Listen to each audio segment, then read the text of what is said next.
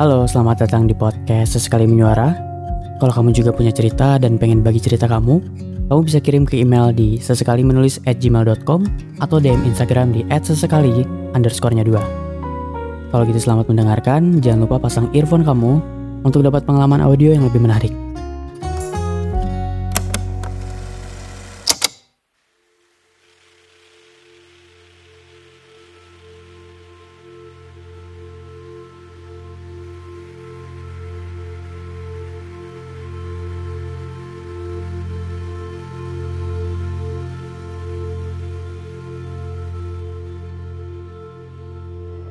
Di kurang lebih 9 atau 10 hari ke belakang, aku coba untuk nggak main media sosial.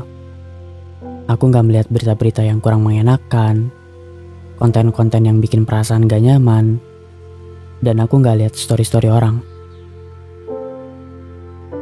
Terus apa yang aku dapat?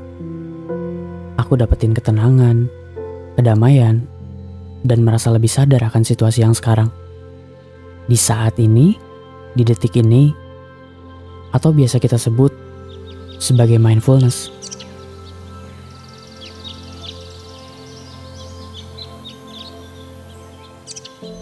Kondisi di mana kita lebih fokus terhadap apa yang terjadi di sekitar.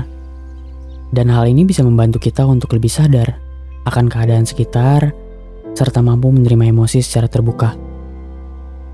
Kita nikmatin suara di sekitar,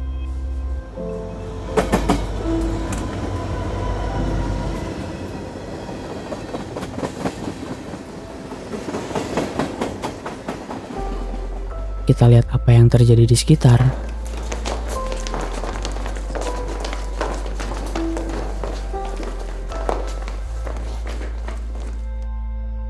Karena kalian pernah kan rasanya badan tuh ada di sini, tapi pikiran tuh ke mana-mana. Dan menurut aku salah satu faktornya adalah kita nggak terbiasa untuk menerima kekosongan atau kebosanan. Seringkali setiap ada rasa gabut, bosen, apa yang dicari? Mungkin kebanyakan dari kita langsung cari HP dan habisin waktu dengan scrolling media sosial. Jadi selama 10 hari itu, aku coba ke keadaan dulu di mana media sosial gak se-addicted sekarang gitu. Jadi sadar banyak banget waktu yang bisa kita pakai buat aktivitas selain ngabisin dengan ambil gadget untuk hal-hal yang gak terlalu penting. Terus ngapain? Belakangan ini aku coba untuk menyadari keadaan diri sendiri. Lagi kenapa? Apa yang dirasain? Apa yang perlu dilakuin dari perasaan itu? Dari situ muncullah kesadaran, ternyata aku baru aja melewati beberapa emosi negatif, kayak merasa kehilangan, kekecewaan, dan beberapa perasaan gak enak dari beberapa situasi. Terus habis itu aku telusuri kenapa dan apa penyebabnya. Kalau udah ketemu ya udah. Terus apa yang bakal dilakuin? Apakah memilih bergumul kepikiran di sana atau coba untuk lakuin hal yang lebih bermanfaat atau coba ambil sisi positif dari apa yang terjadi? Karena sebuah perasaan itu kan kita yang memilih untuk menerima iya atau enggaknya. Dan yang bisa kita kendaliin adalah respon kita terhadap apa yang terjadi. Beberapa aktivitas yang aku lakuin yaitu journaling atau nulis semua pikiran dan perasaan supaya kita tuh bisa memahaminya secara lebih jelas. Terus aku juga bikin konten, edit podcast, selesain bacaan buku yang belum selesai, dan lain-lain. Hal ini bukan mengalihkan ya, justru dengan melakukan ini, membantu kita untuk lebih memahami perasaan apa yang lagi dirasain sama diri kita. Selain itu juga jadi buat sesuatu yang menurut aku bernilai, yaitu karya aku sendiri. Aku juga coba untuk ngebiasain tanpa nonton waktu makan, gak ambil gadget waktu lagi bosen, gak bawa HP waktu ke toilet, dan gak lihat HP kalau obrolan sama teman habis.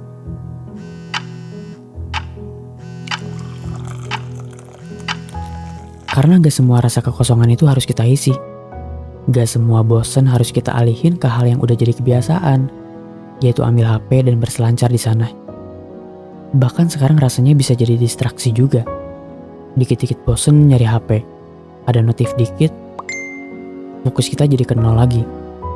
Kecuali emang ada hal penting yang harus nyari di sana.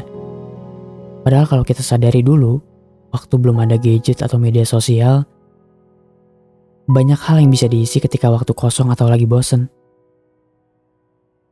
Terus soal perasaan kecewa, sedih, kehilangan, atau emosi negatif lainnya gimana? Waktu aku menyadari perasaan-perasaan itu, aku terima semuanya. Karena aku sadari bahwa mereka, yaitu perasaan-perasaan sedih, galau, kecewa, itu sering kali nggak dianggap.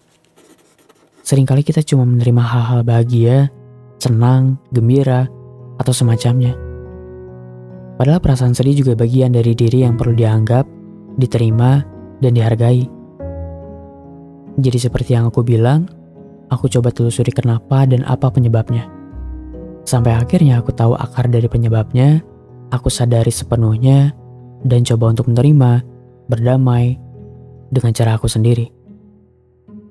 Jadi pesan juga dari aku kalau kamu lagi merasa sedih, ada masalah, atau emosi negatif lainnya, Gak usah pura-pura bahagia.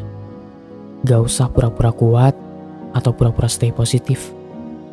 Karena saat kamu memaksa diri untuk tetap positif di setiap keadaan, sama aja kamu lagi mengingkari masalah atau perasaan gak nyaman kamu itu. Makanya menghindari masalah itu cuma menenangkan sesaat. Biar kamu gak kepikiran lagi, bukan menyelesaikan.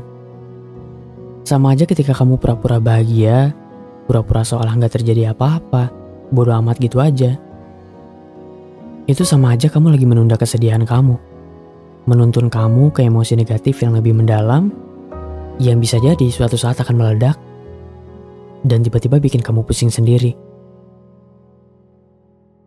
Jadi, terimalah semua perasaan-perasaan yang kamu lagi rasain sekarang, dan setelah itu, kamu pilih.